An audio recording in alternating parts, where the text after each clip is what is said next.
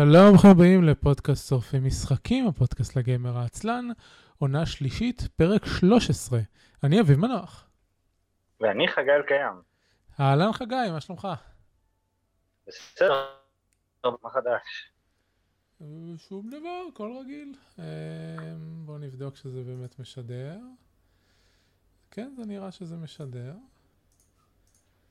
אני כל פעם אחרי שלא יוצא לי לה, לי להשתמש בטוויץ' כמה זמן, אני מפחד ששום דבר לא עובד כמו שצריך. אני מבין את זה. ועוד היה לנו את הפרק השלם שלא שודר אז בכלל. כן, אבל זה היה, זה היה כי אני לחצתי על הכפתור הלא נכון. לא, עכשיו אני רואה שאצלי זה, התוכנה עובדת, אני רק בודק שטוויץ' עובד, וכן, טוויץ' עובד בסדר. אז אה, יופי, אז אפשר להתחיל.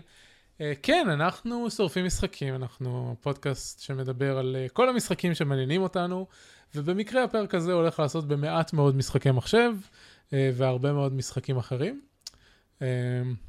את כל הפרקים אפשר להאזין תמיד ולראות אותם ביוטיוב, למרות שביוטיוב זה רק גרפיקה כזאת עם אודיו, חוץ מפרק החמישים, שבפרק החמישים יש מצלמות, אז אותו באמת אפשר לראות. Uh, יש בכל פרק גם uh, כל מיני אפשרויות להירשם לעדכונים, uh, דרך היוטיוב, דרך האתר, דרך אימיילים, באייפון, באנדרואיד, כל מיני כאלה.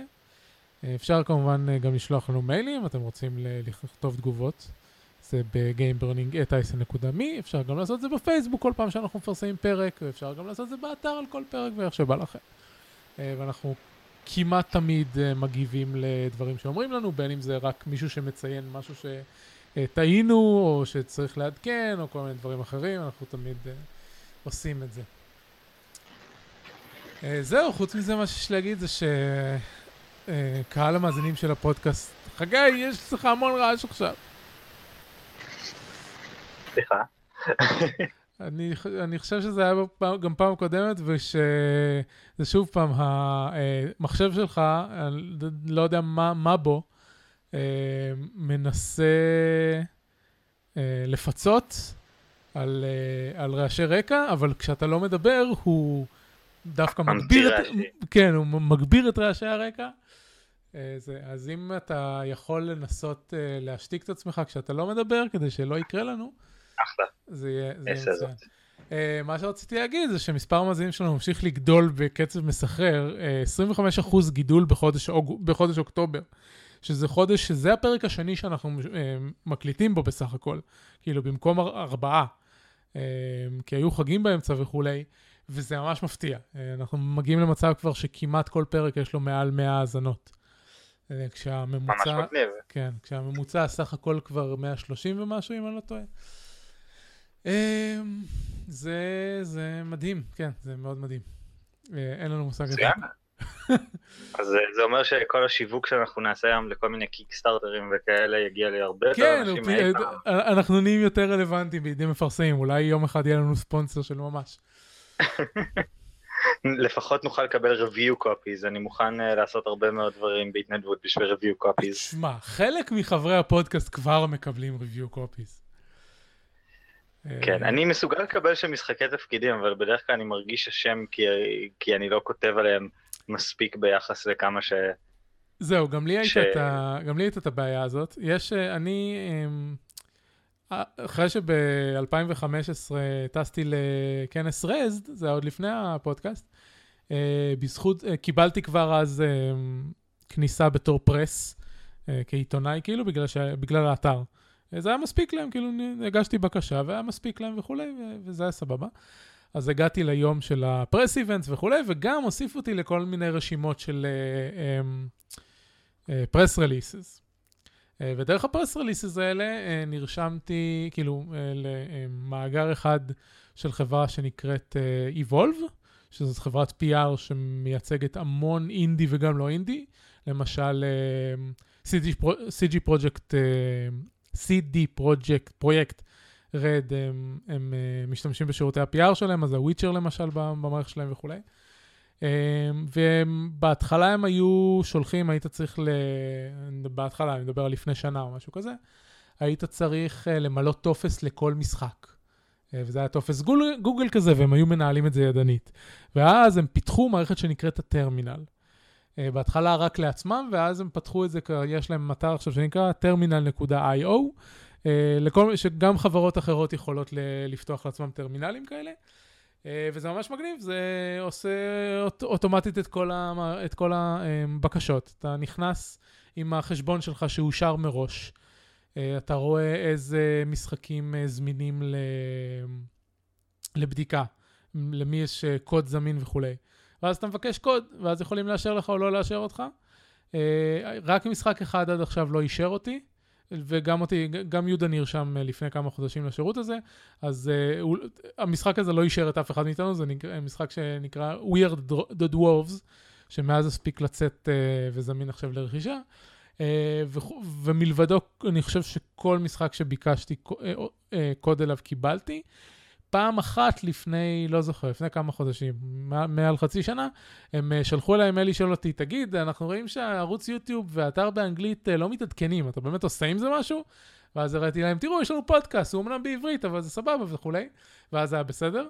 אה, ומאז הם גם עדכנו בטרמינל שאפשר לעדכן את ה-coverage, coverage, שאת ה... של כל משחק שקיבלת? כן, של כל... לא רק שקיבלת, דיברנו על, אני פשוט לוקח, כל פרק שאנחנו מדברים על משחק שנמצא אצלם במערכת, אפילו אם לא ביקשתי עליו אה. קוד, אני מעדכן את ה-coverage.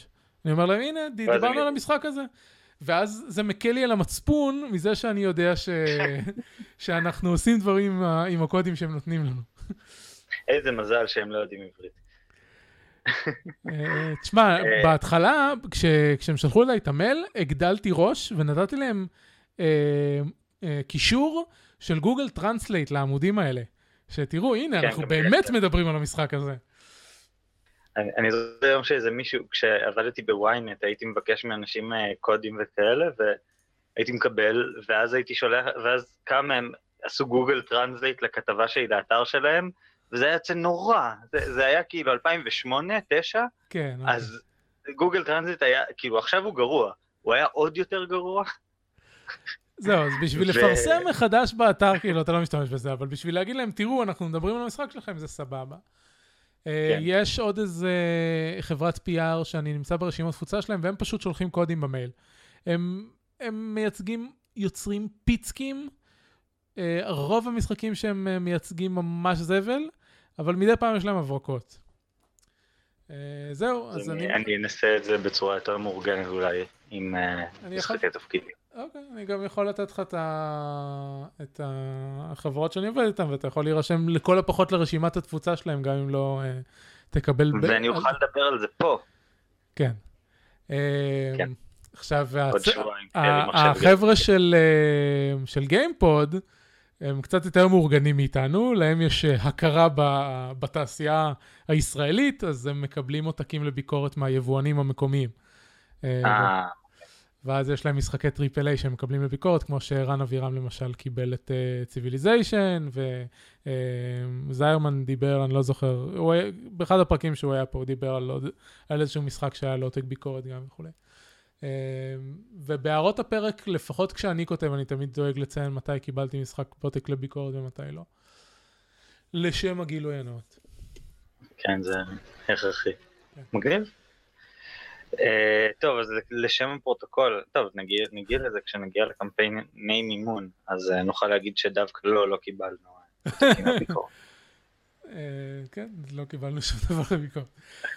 טוב, אתה רוצה להתחיל כן. עם הדברים שלך? כן, אז אני שיחקתי בשבוע וקצת האחרונים די הרבה, אבל הרבה מזה פשוט פסטיבל אייקון. באייקון יצא לי לשחק, לעשות את ה... האט טריק של אה, לשחק אה, גם משחק תפקידים, גם משחק מחשב וגם משחק לוח. אז אני, ועוד משחק תפקידים חי אז בכלל. באתי להגיד, מה, משחק מחשב באייקון, אבל אני יודע על מה מדובר. כן. אז נתחיל ממשהו קצת אחר. שחקתי משחק בשם ותזכור את כל הנשכחות של חברת אספמיה משחקי תפקידים חיים, של הילה גרגורי. אה, זאת, אה, זה משחק בעצם סופר אוונגרדי. אה, הילה היא בוגרת של בית הספר האירופאי לכתיבת לארפין, לכתיבת משחקי תפקידים חיים. בוא, בוא תניח ו... ש... 98.9% מהמאזינים לא מבינים אף, אף אחד מהמונחים שאתה אומר, אז תסביר. ולכן אה, הסברתי את זה. אה, והרעיון בעצם, זה, זה, בית הספר הזה זה מקום שמלמד אנשים איך להעביר משחקים, אה, כמו משחקים חיים בפורמט משחק חדר, שזה אומר משחק שאתה עם כאילו כל המאפיינים של משחק תפקידים חי, כמו תחפושות אם צריך, ואתה משחק, משחק את הדמות שלך, לא מתאר מה היא עושה, אלא עושה בעצמך וכל מיני כאלה. בדרך כלל באירופה, האירופאים מתעסקים במיוחד הנורדים, סקנדינבים, אה, מתעסקים בכל מיני תכנים אה, מאוד כבדים במשחקים שלהם, ועושים, וממש עוסקים בסדנאות, ואיך להתכונן טוב למשחק, להכין את השחקנים, אה, לתת להם מילות ביטחון למקרה שעוסקים בתוכן כבד מדי והם רוצים לסגת, או כל מיני דברים כאלה. ואני לא רוצה לספיילר את הלארפ הזה. לא, כמובן שלא. כי הוא, כי הוא סוג של, זה, זה לארפ נורא אוונגרדי, אין לו עלילה כל כך, אבל הילה משתמשת בכלים אה, ממש, המנחה, אה, היא משתמשת בכלים ממש אפקטיביים של מוזיקה, פרופים ותאורה, זה היה דבר מאוד חדש, כלומר היה לה ממש מערכת תאורה כזאת עם ספוטים וצבעים שונים וכל המערכת הזאת, בחדר שהיה בעצם שלה לאורך כל הכנס. ואתה, והיא שולטת עם הדברים האלה באווירה, ו, וזה מדהים איזה אפקטים זה עושה, כלומר אתה מקבל ממש מעט הכוונה, משחק של רק שעה וחצי, ולמרות כל זה אתה עובר איזה משהו מאוד מאוד אה, אה, דרמטי, חוויה מאוד מאוד דרמטית. אה, המנחה בלארפ כזה נמצא בחדר איתכם? Uh, כן, היא הייתה בעצם בפינת החדר, היה לה מעין uh, עמדת שליטה כזאת, כזה ממש בפינה, שם היה את התאורה ואת המחשב שמפעיל את הסאונד ופרופים שמדי פעם היא הכניסה אל תוך המשחק. אוקיי. Okay. וזהו, זה עבד ממש, ממש טוב, וזו הייתה הרצאה נראה לי שנייה שלו, אז הוא רק, רק אמור להשתפר בהמשך, אבל הוא כן נורא אוונגרדי. אה, אני אגיד, כאילו, אם אתם, נגיד, היו שם אנשים שזה היה המשחק הראשון שלהם, והם לא הבינו. Okay. אוקיי. אה, היה להם מאוד קשה עם זה, כי במשחק ראשון אתה צריך הרבה יותר הכוונה. אבל אם אתם עם אנשים שניסו את זה והיו פעם באיזה משחק חי בחדר וזה, זה ממש שווה. אה, והילה עושה מלא דברים כאלה, ואני ממליץ מאוד. תמיד... יש קישור לפייסבוק שלה. באתי להגיד תמיד, אבל מאז ששמעתי על זה, לא על המשחק הספציפי הזה, אלא באופן כללי על, על הקונספט של לארפ חדר, תמיד שוב פעם, אני עם התמיד שלי. מאז חשבתי לעצמי שאם הייתי inclined uh, להשתתף ב LARP, כנראה שהייתי עושה את זה בצורה של LARP חדר. זה נראה לי, ה... כאילו, אתה, המשחק הזה ספציפי, אתה אומר שהוא, שהוא לא למתחילים, אבל זה נראה לי הצורה הכי נגישה של LARP. Uh, כן, במיוחד... זה חד משמעית הכי נגיש. זה, אני הייתי במשחקים, כשהייתי בתיכון, הייתי במשחקים החיים הגדולים ביערות, ווואלה, זה אין סוף השקעה, אני לא, השקעה מהסוג שאני לא אוהב. אני אוהב לכתוב תוכן, אני אוהב להשקיע במשחק בדרכים אחרות, לתפור תחפושות ולישון ביער אה, יומיים, שני לילות, זה פחות הסגנון שלי. כן, גם בדיוק אני באותה נקודה. כן, אז, אז אה, להרבה חדר, יש, בביגור הולכים להיות המון, אני בתור אחד מהאנשים שיש להם גישה למשחקים שהוגשו, נראה לי שכבר הוגשו חמישה, כבר עכשיו. אז uh, צפויים להיות די הרבה, אני מעריך שלקראת ה-20 uh, משחקים כאלה בביגור. אז יהיה ממש הרבה מגוון, ואנחנו uh, מאוד עובדים, אנחנו, אני גם בצוות של ביגור, אנחנו מאוד עובדים על להשיג יותר, יותר מגוון של יותר משחקים לא מדכאים. שכאילו עוסקים בתכנים רציניים, ידה ידה, אבל uh, לא uh, תכנים uh, של כתות ו... ואתה יודע, סקנדינבים בלי שמש שמבואסים מהחיים. לא שזה רע, אני מאוד אוהב דברים כאלה ואני דווקא עדיף להירשם לכאלה, אבל להנגיש לקהל זה דווקא הדברים היותר מעודדים. כן, ברור. לא, אפרופו... כן. לא, רציתי גם להזכיר, אפרופו משחקי תפקידים חיים שאני... שאם הייתי גר uh, במקום שהוא לא קצה הארץ, uh, הייתי, הייתי לראשונה משתתף בהם, אז uh, יש, את, יש לארב חדש שהולך להיות uh, לארפ, קמפייני כזה, אה, בשם אגדתה, אה, בהנהגתו אה, של נבות רם בין השאר, אה, עם עוד כמה חבר'ה, וזה הולך להיות אה, לארפ אה, אורבני, ש... כלומר, שמשוחק בסביבת עיר, שהקונספט שלו, שהוא גם ממש מגניב, זה שמשחקים אנשים עם חיבור לדמויות אה, מיצירות אה, דמיוניות אחרות. אה, ואז כל אחד בוחר לעצמו איזשהו, איזושהי דמות שהוא, אני לא, אני לא התעמקתי עד הסוף, אבל אני אתן קישור לאתר ולקבוצה בפייסבוק, וזה... אם הייתי, אם הייתי גר במרכז והייתי אומר לעצמי, כאילו, מה זה, כאילו, הלארפ הזה, זה, זה הלארפ הראשון שראיתי, שאמר, טוב, מאז, בעשור האחרון, ש, שאמרתי לעצמי, הייתי משתתף בלארפ. וואלה. אני הנחיתי איזה שניים, שלושה כאלה, או ארבעה. נראה לי ששניים שהסתיימו ושניים שלא הסתיימו. אה, משחקים עירוניים יותר, זה פשוט פורמט שאני, אה, משחק חי שאני נורא אוהב. אני לא יודע אם זה בדיוק מה שאגדת הולך להיות, הוא נשמע נורא מושפע מפייבל, אגב.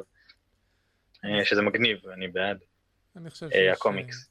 כן, אני חושב שיש שם השפעות של פייבל. זהו, אז אני...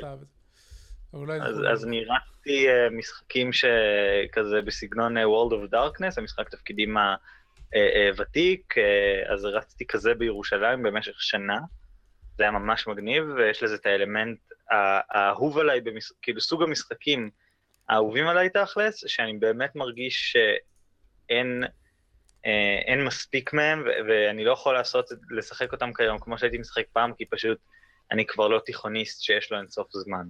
זה המשחקי 24-7, שאתה, כאילו יש פגישה פעם בשבוע, שבועיים, חודש, כל משחק והפגישות שלו, כן. אבל הזמן זז בזמן אמת, ואנשים מדברים בין הסשנים, וזה יוצר רמת אימרז'ן uh, uh, מאוד גדולה בתוך הדמויות, ו, וזו חוויה שמאוד uh, נדירה בסיטואציות אחרות.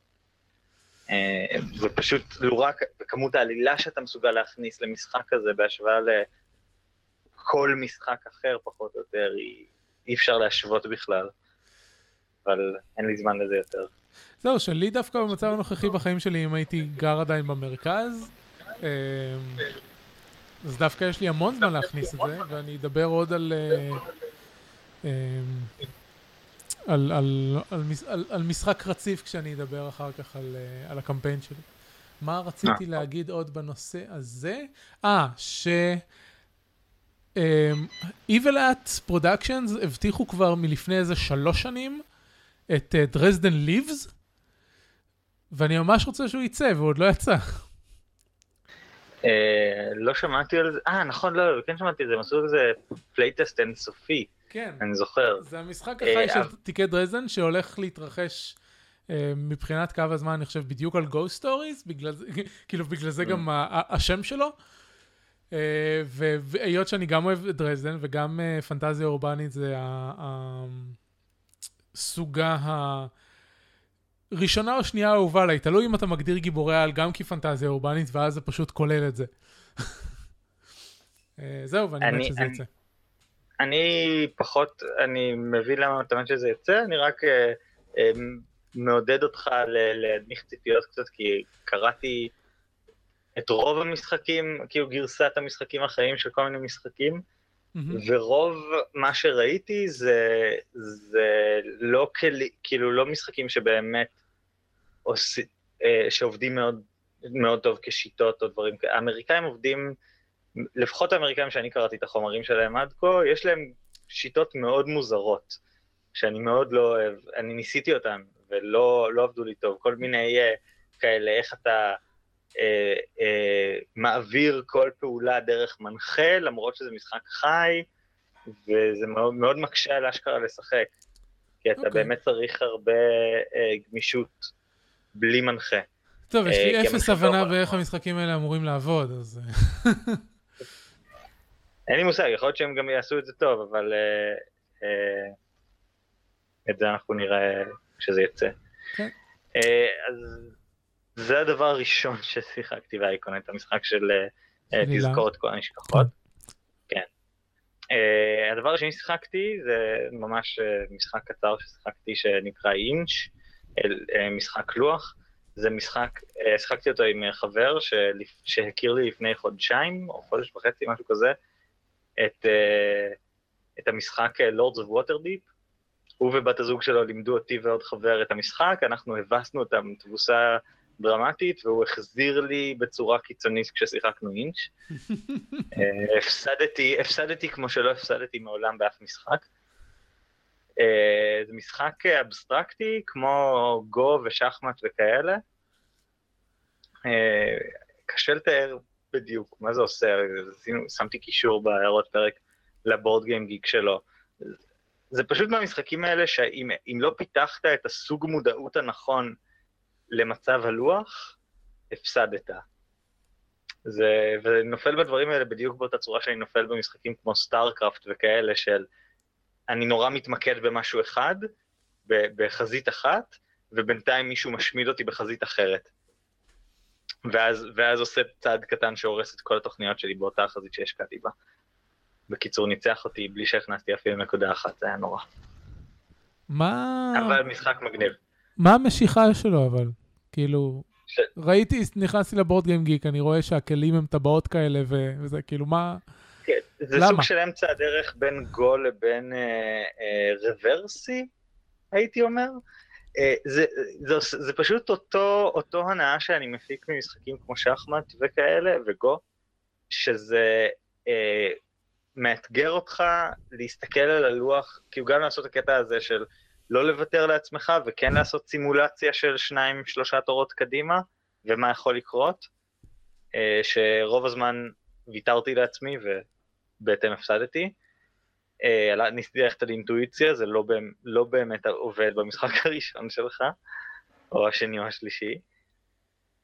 אה, ואני אני אוהב את הסוג הזה של חשיבה, של להסתכל על אה, לוח, לנסות אה, לעשות כל מיני מהלכי, מהלכי הטעיה, לתקוף בכמה חזיתות שונות, כל מיני דברים כאלה שבשחמט אני יכול לתת לכל הדברים האלה מילים, כי יש מושגים ואני למדתי קצת בחיי שחמט, בניגוד לאינץ' שגיליתי אותו ושיחקתי אותו תוך שעה. אה, אבל זה משחק שהוא פשוט אה, קליל, מהיר, משחק שחמט יכול לקחת שעה, חצי שעה בקלות, אה, אם שניכם משחקים מהר, אינש לוקח הרבה פחות זמן, הוא ממש משחק אוקיי. זריז. אה, וסתם, הוא אסתטי נורא, הוא עושה משהו מעניין. קיצור, זה, זה גורם לך לפעול אחרת עם החושים שלך, נקרא לזה. אז אני אוקיי. מאוד אהבתי את זה. אה, זה הדבר השני. והשלישי ששיחקתי שם, זה נראה ששלושתם תכל'ס שיחקתי באותו היום או משהו. שאר אייקון התעסקתי בלהעביר הרצאות ולשבת בדוכן אה, העמותה למשחקי תפקידים ולמכור ספרים לאנשים. אבל, אה, ואז יום אחד שיחקתי שלושה משחקים. אז היה שם את ארתמיס, שזה משחק, ש... משחק מחשב. מי שעקב אחר, עוקב אחרי הווידאו בלוג, וידאו פודקאסט, whatever, Extra Credits, אז. הם, הם, הם אלה שגילו לי על קיומו של המשחק הזה לפני איזה שלוש שנים. כן, אה, ג'יימס אה, פורטנו, הוא דחף את המשחק הזה לכל מקום ש... שהוא היה בו בערך. כן, זה יש, Games you have to try. כן, בפרק הראשון של ה Co-Optional פודקאסט, כאילו שהם עברו מלהיות אה, אה, אה, TGS אה, ל Co-Optional, אז בפרק הראשון של ה Co-Optional אה, היה ג'יימס פורטנו, אה, וזה היה בדיוק לפני PAX, והם דיברו שם על, אה, כן, הם יריצו ביחד אה, חדר ארתמיס משותף ב... אה, בזמנו, זה היה לפני איזה שלוש שנים. קיצור, זה לא קרה בסוף, אבל... אז באייקון זה קרה, אני אסביר מה זה ארתמיס. ארתמיס זה, זה משחק שמשחקים בעצם את הגשר הפיקוד של חללית, שזה ממש גשר הפיקוד. יש מפקד, יש אה, טייס, יש אה, אה, איש נשקים, איש לוגיסטיקה, איש מדע, איש תקשורת, כל אחד אחרי זה, ויש עמדות מחשב שמתאימות לכל אחד. אמורים לשחק את זה בעצם עם חמישה או שישה מחשבים, בעיקרון. סלאש מחשבים אה, אחרים שזה, כי זה, אפשר לשחק את זה גם על טאבלטים, אני לא יודע.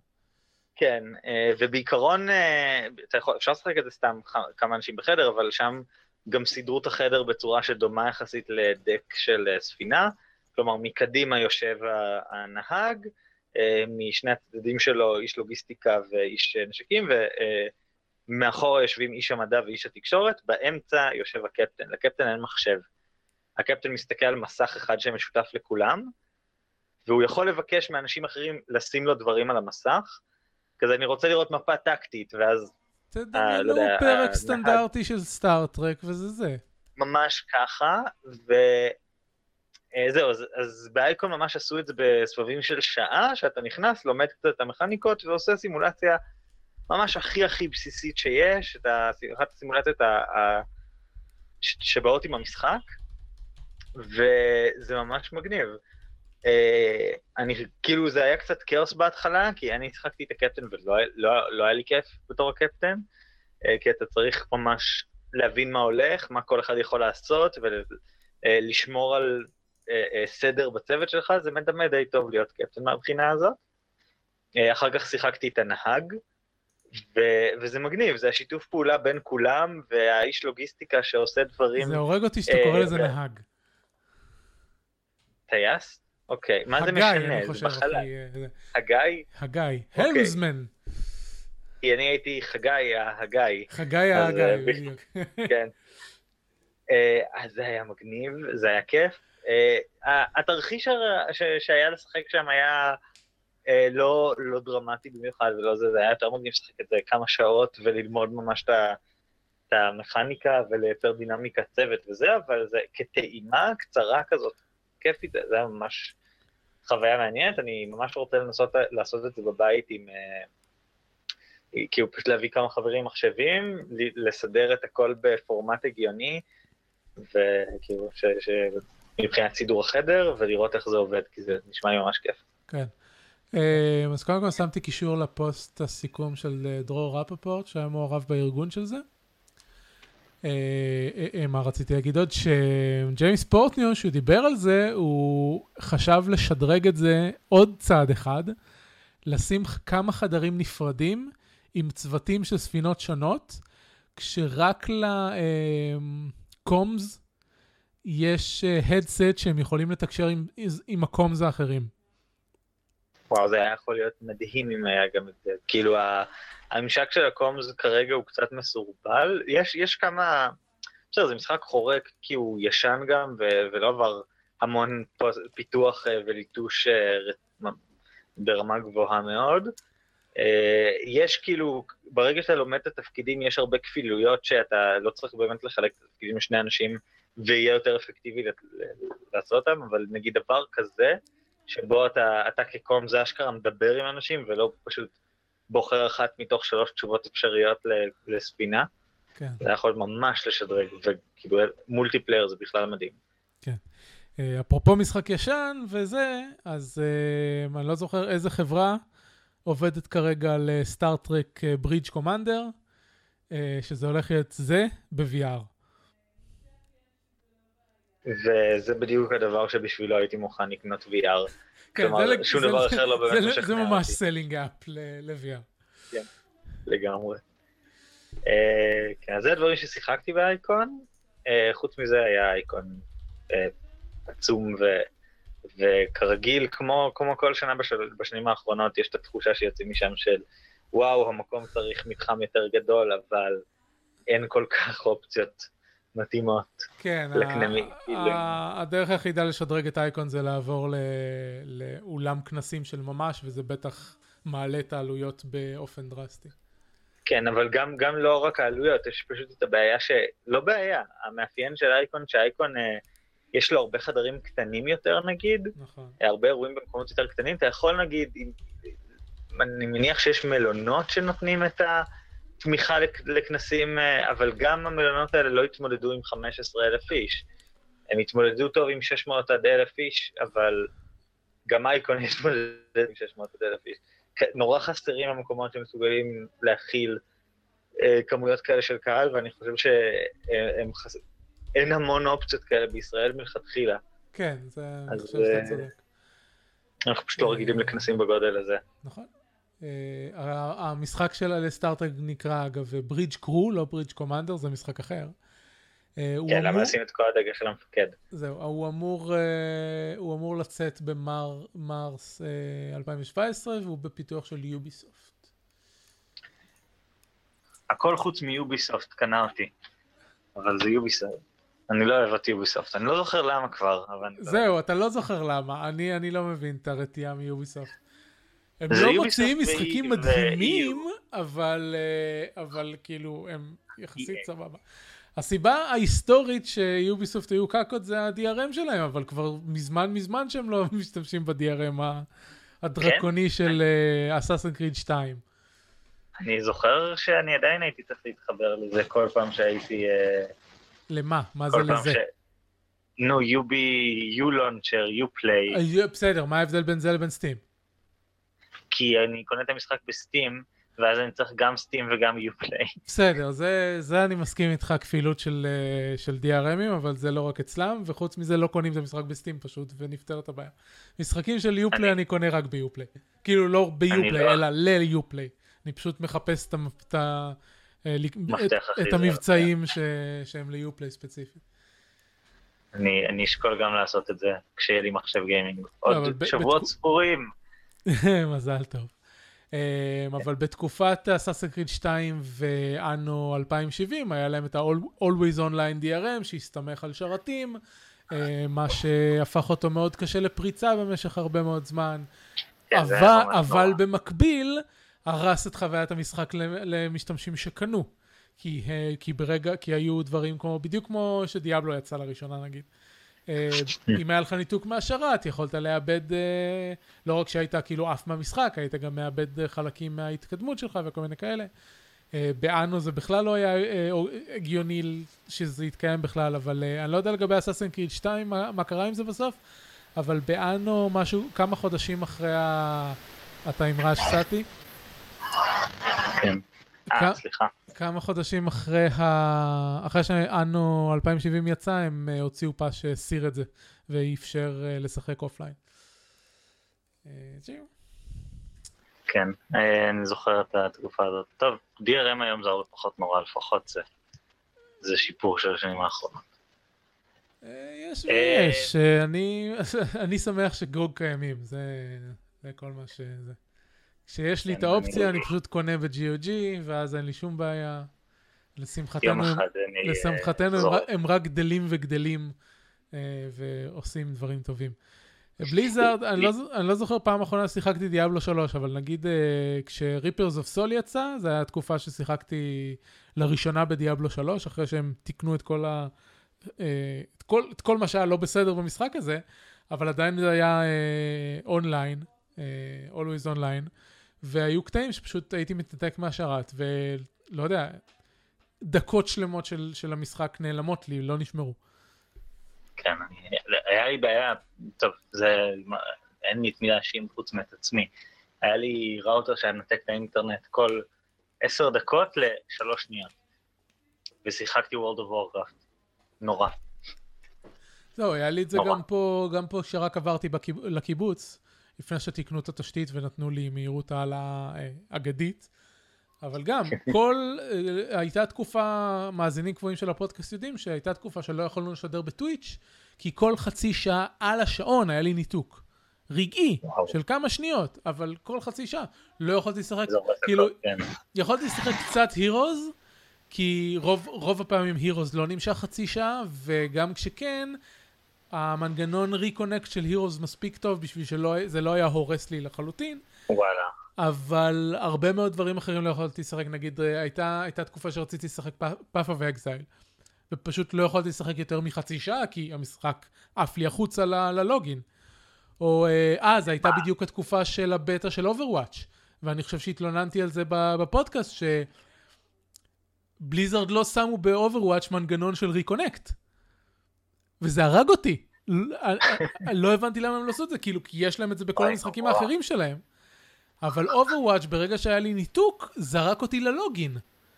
ואתה כבר לא עושה לוגין במשחקים של בליזרד בתוך המשחק. אתה עושה לוגין ברמת הבטלנט. אז כן, במקום לחפש עכשיו את השם משתמש בסיסמה שלי ולהזין את האותנטיקיישן והכל, אז אני סוגר את המשחק, הולך חזרה לבטלנט, מחדש. פותח את המשחק מחדש. כן, וזה, אז, אז, כן, זה, ראש עצום. אז זה סופר מעצבן, לפ, לפחות Overwatch זה סבבים ממש קצרים. אז זה לא מאוד מאוד מאוד נורא. אבל זה עדיין מעלה את, ה, את הסעיף. לשמחתי האינטרנט שלי עכשיו יציב, אז אין לי את הבעיות האלה יותר.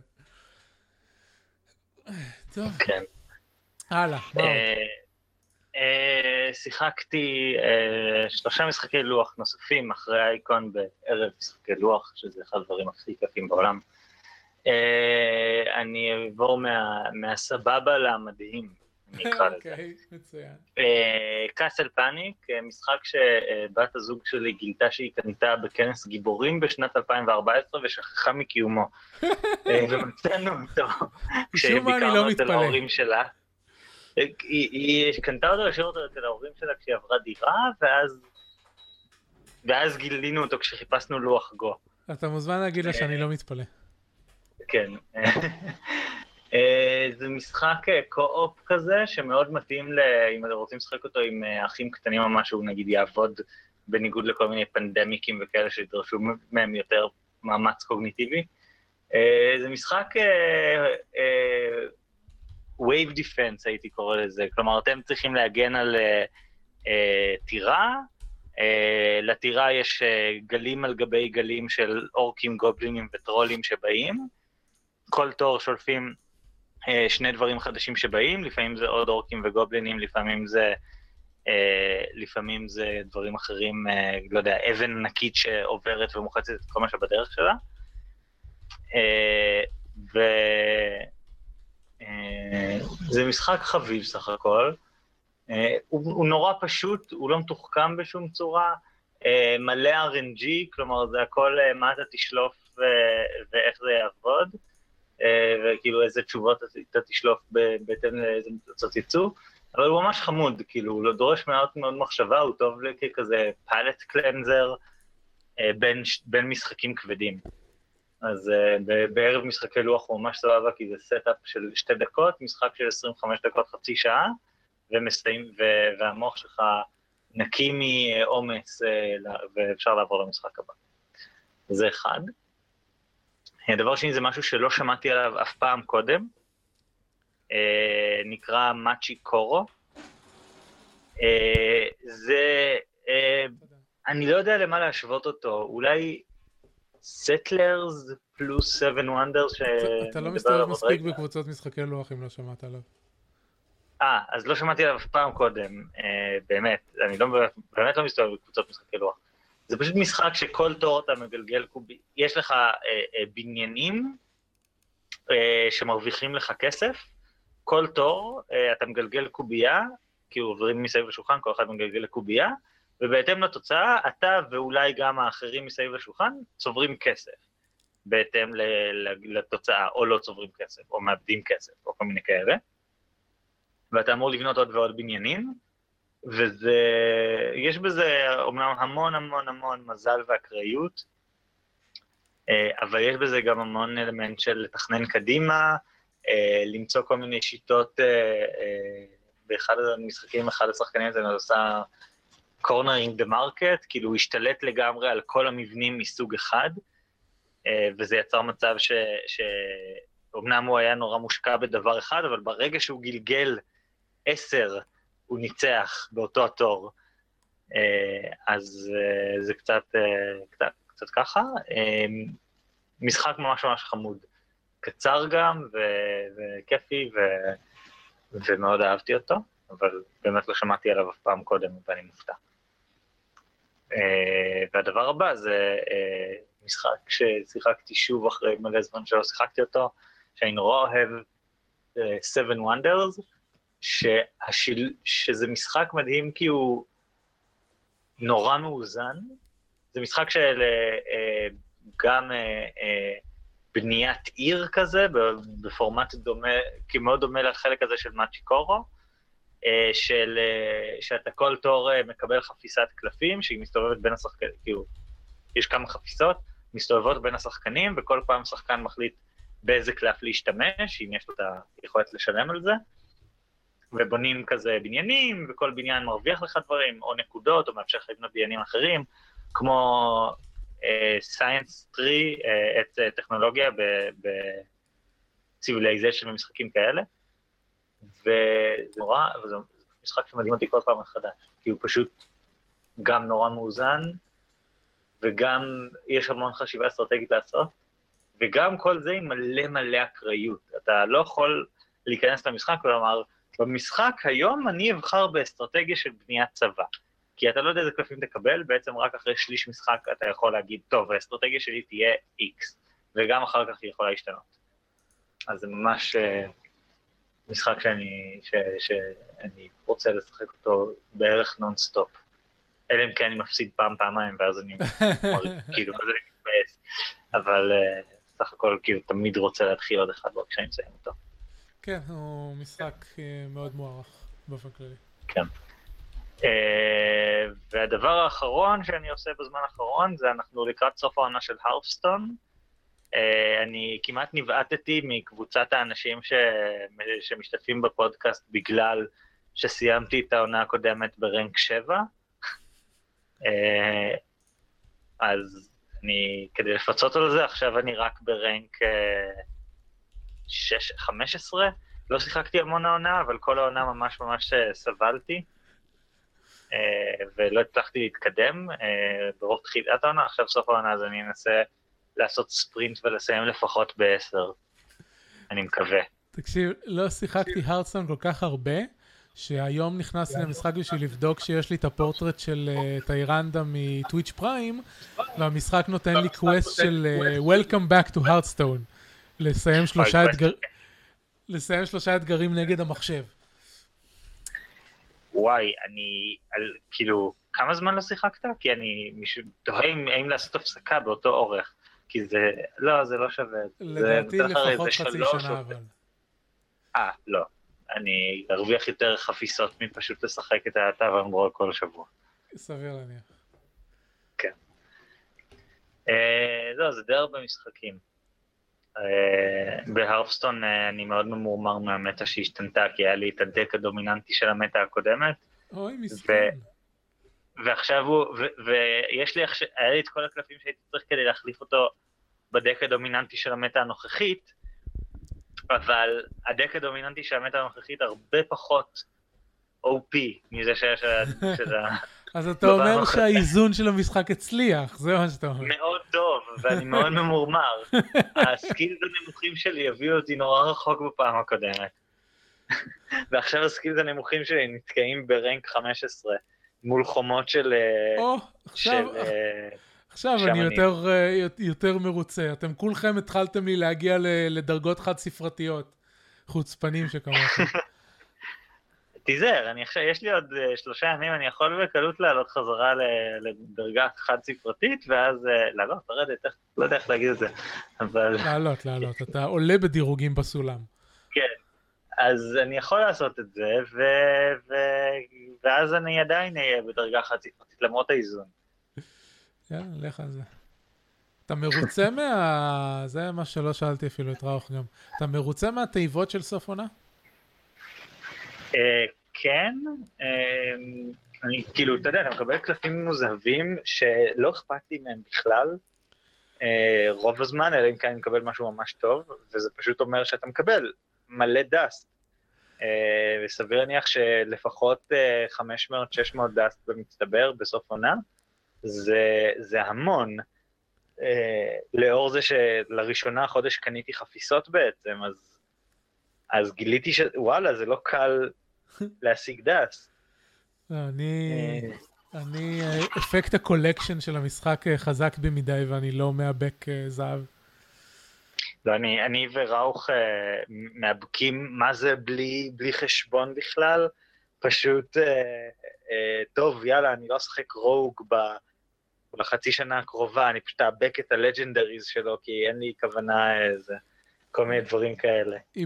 איבקתי קלפים רגילים רק, שעשו, רק שהיה להם את ה full refund. חוץ כן, מזה, זה... חוץ מזה לא, אני, אני, אני, כששיחקתי Hearthstone גם שיחקתי בשביל ה collection. אז אממ. אני רוצה את הקלפים. זהו, אני, אני משחק בשביל ה collection, אבל- במובן שאני רוצה את כל אתה רוצה את. ה meta. אבל... לא, אכפת- אבל אכפת לך מה decks, מה- מה decks שאתה יכול לבנות. גם, אבל בוא נגיד את זה ככה, כרגע אין לי אף deck שצריך את Sylvanas, אבל. כן, אה, אבל היא היסטורית היא עדיין קלף הייתה מטרה. מאוד מאוד סוליד. כן, אז סביר להניח פשוט שהיא אמרתי, תיכנס חזרה. לא, פשוט אני לא בניתי אף חפיסה רלוונטית, אבל כן, זה לגמרי משהו ש... ש... שאני... כאילו, יש לג'נדריז שהם פשוט כל כך שימושיים ומגניבים, שאני פשוט רוצה אותם גם אם uh, אני לא משתמש בהם כרגע, אז זה קצת, כאילו, אז את סילבנס הייתי צריך, רציתי מבחינת, כ- collection כמעט, אוקיי. אז אה, קצת מבין את זה. אוקיי. זהו, זה מה שאני... אני, בשלב מסוים, אה, פעם אחרונה, שש... פעם אחרונה ששיחקתי ב Hearthstone זה בדיוק כשנכנסו... אה... לא, פעם אחרונה ששיחקתי ב Hearthstone זה כשעשיתי את League of Explorers. אבל זה כאילו, נכנסתי ל Hearthstone. בשביל לשחק את, הס... את ה single player, אז זה לא נחשב. אה... לא, זה יכול להיות ששיחקתי אחרי זה, לא זוכר. בקיצור, פעם אחרונה ששיחקתי תחרותי הרסטון, כאילו ממש נכנסתי לזה, זה היה כשהציגו את הרספיז. אמ, וכאילו, היה, אז היה לי כמה דקס שימושיים, אבל אז הייתי, צור, הייתי צובר דאסט, ולא היה ממש אכפת לי, כן, אני אצור עוד איזה דק וזה, אז פשוט התחלתי, טוב, בוא נראה איזה קלפים common חסרים לי, בכל, בכל ה collection. ואז התחלתי פשוט ליצור קלפים שהם common, עד שלא היו חסרים לי אף common. עכשיו בטח חסרים לי כבר, כי לפי דעתי יצא הרחבה אחת באמצע. כן. כן, Whispers. Whispers. כמעט אין לי קלפים של Whispers. גם לי, אבל אה, כן, וואי, Whispers זה היה באמת אה, הרחבה כיפית.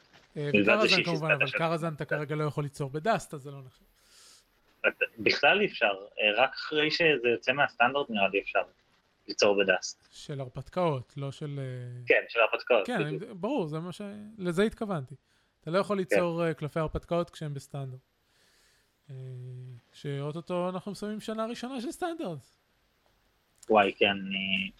אני מ- מבחינות מסוימות מחכה לזה, כי כל מיני דקים שאני לא סובל יצאו. זה יהיה נורא נחמד. אני חושב שהלך. להם טוב ה... אני חושב שהלך להם טוב השינוי פורמטים, אם כי כמובן אנחנו לא נדע עד, עד שנעבור לשנה הבאה. השנה הזאת הייתה טובה. כן, מאוד מאוד. אה, כאילו, מינוס הקטע הזה ששמנים פשוט היו בלתי מנצחים רוב הזמן. בסדר, אבל זה אחרי. שנתיים בערך ששאמן כמעט לא היה שחיק. טוב, לא, לא יודע, לא, אני אשכרה לא ידעתי מה קרה בהרפסטון בין כזה מאי 2014 שאמן במשך למאי תקופות 2016. מאוד מאוד ארוכות לא היה שחיק. וואלה. אה, אבל אז הוא קיבל את אה, טוטם גולם וטסקר טוטמיק באותה הרחבה. כן, אבל גם, אחרי, הם, הם, רק רחבה אחת אחרי זה הם פתאום הפכו להיות uh, סופר דופר. כן. כשהטוסקר טוטמיק וזה, זה עדיין לא היה הפריצה הגדולה. אמ, טוב, בזמנו גם הייתי מתעדכן באנגרי צ'יקן, אז ידעתי תמיד אה, אה, מ- מי המקצועות החזקים ומי החלשים. עכשיו אני כבר לא מתעדכן בכלום. כן, אני, אני וראוך אה, מעדכנים את כל הקבוצה בערך אה, ב- בדברים האלה. כן, זה פחות נספק טוב שאני צריך לקרוא את זה. אני יכול... לא, לא קשור אליכם. אני יכול לקרוא עכשיו 20 מדריכים, וזה לא אותו דבר כמו להקשיב לאנגרי צ'יקן. משהו באיך שהאנשים האלה מדברים ומציגים את הדברים, פשוט... אה, הם עושים עבודה ממש טובה. כן, ווידאו וזה, זה בכלל אה, דבר שעובד יותר טוב מסתם לקרוא. כן. במיוחד בהאוסטון. ופעם בחודש יש להם אה, פרק שזה listener calling, שהפטרונים שלהם, יש להם חשבון סקייפ, שזה רק בשביל זה, ולפטרונים שלהם יש את, ה, את השם שלו, אז הם, אז הם מתקשרים ומשתתפים בתוכנית. אה, ואז אה, זה מכניס עניין לדברים, כי יכולים לשאול כל שאלה, כאילו, כל פרק יש להם אימיילים. אה, אבל כשמאזינים מתקשרים ושואלים שאלות במקום, זה מכניס יותר דינמיקה, זה מאוד, מאוד מעניין. סבבה? אז מה אתה שיחקת בזמן האחרון? בזמן שאני שיחקתי טריליון אלפים משחקים. אני מאז קפריסין, שוכב על הספה ורואה טלוויזיה. טלוויזיה טובה לפחות? בקפריסין ראיתי את לוק קייג' ושתי דר דבילס, דיברנו על זה בפרק הקודם, ומאז uh, יש לי, צפייה, צפיית סדרות שלי מתחלקת לשתיים. יש סדרות קלילות שאני צריך בשביל דברים שיהיו ברקע, אז נגיד אני רואה בלופים את How Met Your Mother, כרגע. Uh, לפעמים זה יכול להיות חברים, לפעמים זה יכול להיות כל סדרה קומדיה אחרת בעצם. ראיתי את... Uh, Don't Trust the Beach in Apartment uh, 23, שזה סדרה עם, uh, עם, איך קוראים לה, ריטר, מה השם הפרטי שלה? ג'סיקה ג'ונס, בקיצור. Uh, סדרה מ-2012, היא מאוד מוצלחת, היא כבר לא משודרת, יש לה uh, שתי עונות ששודרו לא בסדר הנכון של הפרקים שלהם. Uh, אז וגם כשהם בנטפליקס, נטפליקס לא סידרו את זה. אז הייתי צריך אפיסוד גייד בשביל לראות את הסדרה הזאת בסדר הנכון שלה. Uh, חוץ מריטר, uh, משחק שם את, uh, משחק שם ג'יימס ונדר, ון... זהו, איך קוראים לו? נו, דוסון. דוסון קריק. כן, איך שלא קוראים לו, הוא משחק את עצמו. ונדר ביק? ונדר. ונדר...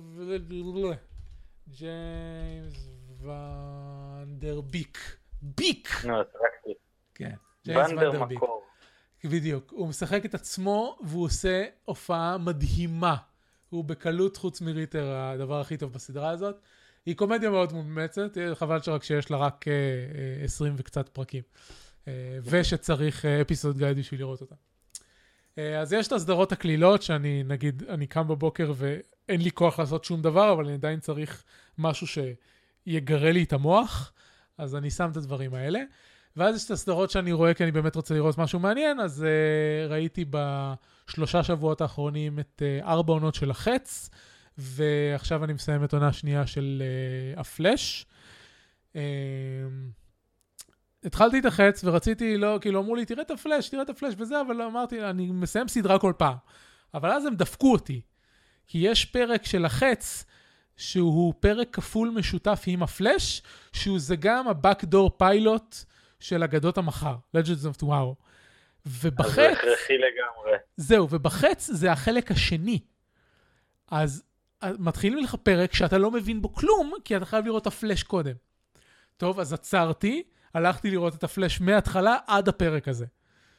ואז התאחדתי חזרה לתוך החץ, ואז סיימתי את העונה של החץ, ועכשיו אני מסיים את העונה של הפלאש, ואתמול ראיתי את הפרק הראשון של uh, Legends of Tomorrow, שהיה מאוד מבדר. אמ, החץ, עונות 1 עד 3 מאוד מומלצות לדעתי. אמ, עם, הקוויאט שזה פחות החץ ויותר בטמן. כאילו הם לקחו את כל הנבלים של באטמן, אה, הרבה מהקווי העלילה של באטמן, ופשוט שמו אותם על החץ במקום לשים אותם על באטמן. אה, יש גם, כאילו יש גם דברים של החץ, אבל העונה הראשונה במיוחד זה, אמ, שני שלישים ממנה זה באטמן. אה, עונה רביעית של החץ נהיית כבר אה, מ... אנחנו, כאילו, עונות 1 עד 3 זה, אנחנו סדרת קומיקס, אבל אנחנו סדרת קומיקס מודרנית ומבוססת מציאות, פחות או יותר. כאילו, מלבד קרוס אה, אוברים עם הפלאש, אין אף אחד עם כוחות על אמיתיים. אה, הכל אה, מבוסס כאילו טכנולוגיה ודברים כאלה, אז אתה יודע, כאילו, קומיקס מודרני, מה שאנחנו רגילים לו היום. הפלאש לעומת זאת, זה קומיקס ממש, כאילו, קחו חוברת קומיקס והפכו אותה לסדרת טלוויזיה. שזה עובד מצוין, זה פשוט טעם אחר לחלוטין של, אה, של סדרה. אה, ועונה ארבע של החץ מכניסה כוחות מיסטיים, והנבל שלה לא מי יודע מה. אז היא פחות טובה מהשלוש האחרות, אבל uh, עדיין לא רע, בכלל לא רע. Uh, והפלאש היא באמת, היא סדרת קומיקס, ממש ממש ממש קומיקס. Uh, כשהעונה הראשונה שלה ממש מצוימת עם, עם דמויות ממש טובות ו, ובכלל הופעה ממש טובה, אני מאוד ממליץ עליה. ואז הסוף של העונה הראשונה ורוב העונה השנייה, הם, אני לא רוצה להכניס ספוילרים, אבל יש דברים של מסע בזמן וכל מיני דברים שעושים לי בעיה מאוד רצינית להמשיך לאהוב אותה. כי הם שוברים לעצמם את העקביות ואת ההמשכיות של הסדרה, וזה משגע אותי. כן, זה, זה דברים שהורידו אותי בזמנו מ-Heroes. אחרי, באיפשהו בתחילת העונה השנייה או השלישית או משהו, אני לא זוכר מתי זה היה. זהו, כן. פשוט אה, הפסקתי לראות את הסדרה כי תשע דמויות שעושות מסע בזמן זה יותר מדי. זהו. תשע, תשע, קאסט של 18 דמויות. תשע דמויות עושות מסע בזמן. אז הפלאש בהתחלה ניסו להציג מודל של מסע בזמן שיוצר מציאות חלופית, כמו אה, נגיד דרגון בול זי, שטראנקס חוזר לעבר ומשנה את העתיד, אבל זה נתי- עתיד שונה מהעתיד שלו. אז כשהוא חוזר לעתיד שלו, הוא עדיין בעתיד שלו, שלא השתנה וכולי. אז זה מה שניסו להציג בהתחלה, אחר כך ניסו לתרץ את זה כאילו העתיד מעגלי, אז אם מישהו הגיע לעבר ושינה את, ה... ושינה את העתיד, העתיד שהוא שינה זה בעצם אותו עתיד שהוא הגיע ממנו וכולי. אבל אז הם הכניסו פרדוקס סבא, כאילו פרופר, ממש, כאילו מישהו, אבות אבותיו של מישהו שחזר מהעתיד, נהרג. אז זהו, אז הרסתם לעצמכם את כל ההמשכיות, אי אפשר להתאושש מזה. אין, אין שום דבר שאתם יכולים לעשות בשביל, מלבד להגיד לנו ש, שהוא הוליד ילד uh, שאנחנו לא יודעים עליו, שבעצם ממשיך את השושלת שלו. זה מסוג הדברים שצריכים להיות אזהרות לכל כותב תסריטים בעולם. זה כל מיני, אה, לא יודע, אני נחשפתי בסדרות אחרות, אני לא רוצה להגיד איזה כי זה ספיילר, אבל נחשפתי לקטע הזה שהרבה כותבים פשוט מכניסים דברים, והם לא יודעים איך, הם יודעים איך הם הולכים להיכנס ל, ל, ל, לקו עלילה או משהו, אבל הם לא יודעים איך זה ישפיע על שאר הסדרה ואיך הם הולכים לצאת מזה. וזה, ואין ברירה כל כך, כי ככה כותבים סדרות, ויש לחץ זמן, וידה ידה, אבל כאילו צריכה להיות איזו רשימה של כזה, אם, את, אם אין לך זמן לכתוב, הנה אלמנטים שהשמידו לך את הסדרה, לגמרי, ותהיה בלתי אפשרית לצפייה אחר כך. צריך להעביר לפה את, אה, את ארז רונן איזה פעם, ואני בטוח ש, שיש, שיש כללים כאלה וזה. אתה רואה את זה המון פעמים, אחריהם. אתה רואה את זה המון פעמים במיוחד בסדרות שלא חשבו שהם יחודשו, ואז הם חודשו, ואז הם צריכים להתמודד עם כל חוסר העקביות שהם יצרו בעונה הראשונה שלהם. כן, הסדרות שהוערכו יתר על המידה, וכאילו יש איזה, יש איזה קושי מאוד גדול של... אה, אני דיברתי על זה הרבה, הייתי מעביר הרצאות על אבודים בזמנו, כשהיה אבודים. ואחד ההסברים שכל הזמן הייתי נותן זה שיש, כלומר, לאנשים שאומרים למה זה לא הכל תוכנן מראש, זה וואלה, אה, סדרות טלוויזיה. הם לא עובדים שבע. שנים אל- בעתיד, הם עובדים עונה אחת בעתיד, במקרה הטוב. במקרה הרע הם עובדים שבע פרקים בעתיד. והרבה פעמים אתה צריך לזכור ש- שהאנשים מתחלפים. אה, זה לא אותם אנשים בכלל שכתבו, נכון. ווואלה, הבן אדם עכשיו עובד על סרט, לך תנסה עכשיו אה, לשכנע אותו, ל- להגיד לכם בעצם מה הדבר שהוא תכנן ואיך הוא תכנן לעשות את זה בזמן שהוא עושה משימה בלתי אפשרית שלוש. כן, לגמרי. אה, אם אני זוכר נכון, לפחות בטלוויזיה האמריקאית זה עובד פיילוט, שבע פרקים, 13 פרקים, עונה שלמה, ואם כן. יתמזל מזלך לעשות עונה שלמה, אז אתה מתחיל את התהליך, כאילו, ואז אתה, אתה מתחיל את החצי עונה הבאה. אה, זה, ואז אתה כן. רואה הרבה, יש, יש הרבה דוגמאות לסדרות שהייתה להם עונה, לפעמים עונה ראשונה קצרה, שמונה פרקים, ואז חידשו אותם לעונה שלמה, או הפוך, הייתה להם עונה ראשונה מלאה, אבל אז באמצע העונה הראשונה, הרייטינג, העונה השנייה, הרייטינג שלהם קרס, ואמרו להם, טוב, זהו, אנחנו סוגרים את הבסטה. כן. זה, טוב, יש מלא דוגמאות, כאילו Prison Break עם הדוגמה של אה, לנסות לייצר סיפור סגור, אבל אז... נכון. אפרופו כן. Prison אה, Break, לא, זה עשיתי את זה. אפרופו Prison Break, שני השחקנים הראשיים של Prison Break, שני האחים, משחקים דמויות בפלאש, והם פשוט תענוג, במיוחד הראשון, אה, משהו W, ווית'ר, ווטר, לא זוכר איך קוראים לו. אה, הוא עושה הופעה מדהימה, אם היה לו תוכנית סולו, הוא גם באגדות המחר. אם הייתה לו תוכנית סולו, זה הייתי כאילו. זה היה, זה, הוא פשוט עושה שם הופעה מדהימה. כן. וזה מצחיק שהם משחקים ביחד אה, שוב פעם, כמו שהם שיחקו ב- בפריזם פרק. טוב, משחקים אבל, זה הדברים שראיתי בסדרות. אה, למרות שהם... אני, אני אכנס, אני רוצה לספר, לדבר קצת על הקמפיין ואנור שלי, ושתי העונות הראשונות של, אה, של אירו מאוד עזרו לי לפתח קווי עלילה עתידיים ל, ל, אה, לקמפיין. אז זה גם אה, מתקשר אחד לשני. זהו, אז יש לי, אני לא יודע אם, אני מניח שדיברתי, הזכרתי את זה מתישהו בפודקאסט, אבל יש לי, אני מריץ קמפיין בצ'אט של ואנור, בשיטת עולם המבוך, שזו השיטה שוואנור משתמש בה. הדרך שאנחנו עושים את זה בצ'אט זה דרך Hangout של גוגל, אה, אנחנו קובעים עדיין מפגשים קבועים פעם בשבוע. אה, במקרה שלנו זה ימי שישי, אה, של שלוש שעות. ניסינו להתחיל שעתיים, כי זה, אני וערן אבירם הרצנו, כאילו, הוא הריץ משחק גיבורי על שנה קודם, והיינו, ועשינו את זה באמצע יום עבודה, והגענו לזמן קשב של בערך שעתיים. עם הקמפיין ההוא, והוא גם נקטע אחרי משהו כמו שבע מפגשים או משהו כזה.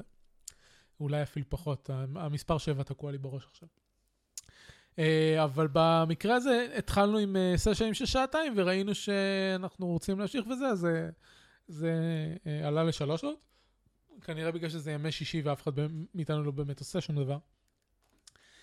למרות שהפורמט של צ'אט הוא מאוד מועיל, כי למשל, אנשים היו בחו"ל, והם עדיין יכולים לשחק, כי אתה בסך הכל צריך את הטלפון שלך בשביל לשחק.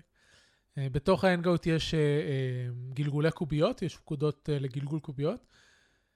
אני הכנתי, אני תרגמתי את המדריך פקודות של, של הגלגול קוביות להנגאוט, והתכוונו להעלות את זה לאתר של כתפי גמדים, ואני חושב שלא עשינו את זה. אני עשיתי את זה אחרי ראש השנה. אז, אז אני מזכיר לעצמי לדבר עם ערן שנעלה את המדריך הזה. אה, זהו, וזה הקמפיין הארוך ביותר שאי פעם הרצתי. אנחנו כבר ב-24 מפגשים, שאם נמיר את זה פחות או יותר, כי מפגשי צ'אט הם, הם, אתה מספיק פחות מאשר במפגש רגיל. כן. אה, כי אתה צריך לכתוב את כל הדברים שאתה באופן רגיל תגיד, וגם אה, פחות, פחות קל לטפל בקבוצה שלמה, כי הצ'אט הוא ליניארי. אתה יכול לראות דברים, משהו אחד בכל פעם, בעוד שאם אנשים מדברים סביב שולחן, אני סביר להניח יכול לטפל ביותר מדבר אחד במקביל. כן. אמ, על, על יתרונות וחסרונות של משחק הצ'אט, אה, היה פרק של הכתפי גמדים על זה, נתתי קישור עליו. אז נגיד ש-24 מפגשי צ'אט זה 12 אה, או 15 אה, מפגשים של משחק רגיל בערך. ומבחינת אורך קמפיין של עולם המבוך, מבחינת העליית דרגות של הדמות, אנחנו בערך באמצע. כי uh, יש בעולם... חמש כזה? אנחנו זהו, אנחנו uh, בדרגה 6 כרגע, חוץ ממישהו אחד שהוא 5, uh, mm-hmm. אבל, וכאילו הדרגות מתחילות לעלות לאט יותר, כי גם צוברים פחות XP בעולם המבוך, כי אתה מגלגל פחות. גלגולים גרועים, כי התכונות שלך עלו. פלוסים עליהם, כן. וגם אתה צריך יותר XP, כאילו זה ליניארי אמנם, ולא אקספוננציאלי, אתה צריך אחד יותר לדרגה כל פעם. אבל זה עדיין, אה, עדיין אה, משמעותי. אה, אז יש לנו בערך עוד, עוד חצי וזה. אני, אני התחלתי לשחק משחקי תפקידים בגיל 13, אבל בעצם עד התיכון לא הייתה לי קבוצה קבועה. ואז הייתי שחקן ולא מנחה, אבל לפני זה הייתי מנחה הרבה כנסים, במשך משהו כמו ארבע שנים, הרוב, 90% ממשחקי התפקידים שלי היו בכנסים. הייתי, הייתי הולך לה, להרבה כנסים ותמיד מנחה בהם, אז הייתי מנחה בעיקר חד פעמי או הרפתקאות קצרות, ולא יצא לי להנחות קמפיינים שלמים. uh, זהו, זה גם uh, הקמפיין uh, הכי ארוך שאני מנחה. עכשיו, uh, מה שיוצא טוב פה, uh, גם, גם מבחינת כלי הנחיה שלמדתי לאורך הזמן, וגם מבחינת הדרך שבה עולם המבוך בנוי ומעודד אותך להשתמש בו, זה שהרבה פעמים השחקנים שלי הם uh, יוצרים uh, או את הסיבוכים של עצמם, או לכל הפחות את ההשלכות. אנחנו משתמשים בכלי שנקרא השאלה השבועית. כל שבוע אני כותב סיכום של המפגש שהיה, גם לעצמי שאני אזכור מה קורה, גם להזכיר לשחקנים מה קורה, וגם אני מפרסם את זה באתר של ואנו. ואז אני שואל את את השחקנים שאלה. אה, היה, היה כאילו, זה לאו דווקא אני שואל, בדרך כלל אני שואל, אבל היה שבוע, אם אני לא טועה, לפני, לפני מפגש אחד או שניים, שלי לא היה רעיון לשאלה, וזה גם היה ממש איזה יומיים לפני המפגש, אז אחד השחקנים האחרים שאל, אה, וזה היה נחמד. ולפעמים זה דברים של, שקשורים ישירות לדמויות שלהם, ולפעמים זה דברים שהם יותר ברמת המערכה. אה, למשל, ב... חלק ההרפתקה הלפני האחרון, הם יצאו למשל... מהעיר, מהעיר הראשית שהם מסתובבים בה כל הזמן, ל... למשלחת לאיזשהו עמק נסתר, שהם אה, רצו לגלות מה יש שם, למצוא בכלל את הדרך אליו וכולי, והם נעדרו מהעיר למשהו כמו שבוע, ואחרי שהם חזרו מההרפתקה, אה, השאלה, שלנו, הש, השאלה שלי בעצם הייתה, מה קרה, מה, מה השתנה, מה קרה בעיר אה, כשלא הייתם? עכשיו, יכולתי אני בעצמי להגיד להם מה ההשלכות. אה, כי היו לי כל מיני רעיונות להשלכות, אבל זה פחות מעניין. אז, אה, ו... ואחד השחקנים ענה ישר על ההתחלה, אה, היה, לפני שהם עזבו למשלחת הזאת, הייתה בעיה של הנפשת גופות מתות בעיר. סוג של, לא מגפת על מתים, כי זו הייתה תקרית אחת, אבל זה דבר שקרה ממש לפני שהם יצאו, והם לא, הם לא המשיכו לעקוב אחרי, ה, אחרי ה, קרס העלילה הזה, הם הלכו ועשו משהו אחר. רעיון מעולה. לא, אז שמע, אני לא בא... אני לא באתי ואמרתי, טוב, העיר נהרסה על ידי צבא של אלמתים. השחקן אמר שהבעיה המשיכה והיו עוד אה, גופות שעלו והשתוללו ברחבי העיר. ואז שחקן אחר שבנה על מה שהוא אמר, אמר שחלקים שלמים מהעיר נעקרו כי האנשים פחדו לחזור לבתים שלהם, אז יש אה, מחנה פליטים כזה מחוץ לחומות העיר. מגניב. Uh, עכשיו זה, זה גם מתקשר לדברים של, כלומר במקרה הזה השחקנים שלי עשו את זה בעצמם, אבל המבנה, אה, עולם המבוך ספציפי, אה, נותן... מאוד מעודד את זה. זהו, הוא מאוד מעודד את זה, הוא אה, אה, נותן כלי לבניית הרפתקאות ומערכות שנקרא חזיתות, פרונטס. שכמנחה, אה, מה שזה אה, מעודד אותך לכתוב זה מי הישויות הפועלות בהרפתקה הזאת, מה המטרה הסופית שלהם ו- ומה הנזק שהם יגרמו. כי בסופו של דבר אה, אנחנו מדברים פה על על משחק שעוסק בגיבורים אה, שמתנגדים לנבלים בזה, אז יש כל מיני איומים אה, שהנבלים אה, גורמים להם, בין אם זה הרס פרופר ובין אם זה החלפת השרטון או אנרכיה או כל מיני דברים כאלה. אז יש לך את האיום, ואז מה שהחזית אומרת לך לעשות זה לכתוב סדרה של אה, צעדים שמובילים מה, מהתחלת ההרפתקה, מהקרס הראשוני, ועד למימוש האיום. בשפת, בשפה של המשחק זה נקרא סימני אובדון.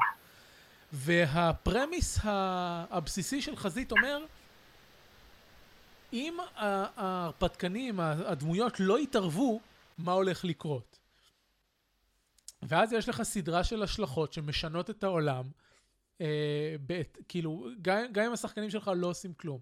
עכשיו, אה, לא, לא, לא יכליל את זה על, על מנחים באופן, באופן כללי, אבל לי זה מאוד עוזר לחשוב על, על עולם המערכה שלי כמשהו חי, אה, כשיש לי את הכלי הזה שאני בהכרח צריך לתכנן השלכות לכל קרס עלילה שאני זורק לשחקנים. כשהרבה פעמים, אה, שוב, זה הקמפיין הכי ארוך שאני יצרתי, אז אני מדבר רק מניסיון אישי ולא מניסיון של, של כלל הזה, אבל הרבה פעמים אה, אה, כשאני שיחקתי אצל אנשים אחרים, או באופן כללי, אה, אפשר ליפול למכשול של עולם סטטי, כמו שמרגישים הרבה פעמים במשחקי מחשב. של אפילו, אנחנו מתלוננים על זה הרבה בהקשר של MMO, של הדמות שלך עושה דברים, אבל בעצם שום דבר לא משתנה סביבה. כן. העולם הוא ריאקטיבי אה, למה שהדמויות עושות אליך. ועולם האבוך נותנת לך ישר, כאילו ממש שמה לך מולך כלי שאומר לא. אה, זה אפילו, אני חושב שבעקרונות ההנחיה, מלבד בחזיתות. כן. לא, ההרפתקנים, כאילו יש השלכות לאם ההרפתקנים שלך בוחרים לא להתערב. אה, כן, זה... זה, כלי שמאוד, אה, אני יודע שיש לי חברים אחרים שהלכו עם זה, ש... אמרו שזה ממש עוזר להם להתמודד עם כל הקונספט של עלילה, mm-hmm. לא רק עם הקטע של לשמור על עולם חי, אלא פשוט עם, עם זה שהקמפיין תהיה עלילה שמרגישה הגיונית. זה, זה לא, זה, זה סוג של עושה אוטומציה או מכריח אותך אה, אה, לנהל בצורה מסודרת ואפקטיבית את כל הנושא הזה של אה, מה יכול לקרות ומה אמור להשתנות ואיך. וזה, וזה יוצר קמפיין שהשחקנים, כאילו, אתה, אתה יזמת רק את התנאים ההתחלתיים, והשחקנים שלך משם מובילים את מה שקורה, ולא uh, אתה מכתיב מה יקרה. נכון. אז יש... uh, כלי ממש טוב. כן. יש, uh, יש משפט שבפודקאסט הפי ג'קס אומרים הרבה, למרות שאני יודע שיש אנשים שלא מסכימים איתו, שהמנחה אה, ממציא בעיות ולא צריך להמציא פתרונות. השחקנים יכולים למצוא, להמציא את הפתרונות האלה בעצמם. כן, זה, אני, אני מסכים עם זה. אה, לרוב אני מסכים עם זה. כאילו... תלוי אה, בפורמט של המשחק, אנחנו מדברים פה על משחק מערכתי. כן, במשחק חד פעמי, אה, יש כמעט אה, חצי מהדברים שרלוונטיים למשחק חד פעמי לא רלוונטיים למשחקי קמפיינים ולהפך. כן, כאילו... למרות, ש... למרות שבמקרה הזה אני גם יצא לי להריץ כמה פעמים את עולם המבוך כמשחק חד פעמי, ואני משתמש באותם כלים, פשוט אני עושה אה, האצה של הדברים. במקום דברים שנמשכים ימים או שבועות, אז ההשלכות הן מאוד מיידיות. כן, זה, זה אמור לעבוד בכל זאת. אה, הנחיתי, זה, זה מאתגר באמת להנחות המשחקים, כאילו עולם מבוך, אה, עולם אפוקליפסה, כל האלה by the book בחד פעמי. אה, אם אתה לא מוצא איזושהי דרך לעשות אותם, כמו נגיד, כן. להאיט מאוד את הקצב. כן, כי הרבה מאוד משחקים של עולם אפוקליפסה יש בהם מכניקות שמאוד מבוססות על, על משחק מתמשך. כן. בעולם מבוך כמעט ואין אותם, חוץ מקשרים, אז בחד"פ באמת שהקשרים בקושי משחקים תפקיד.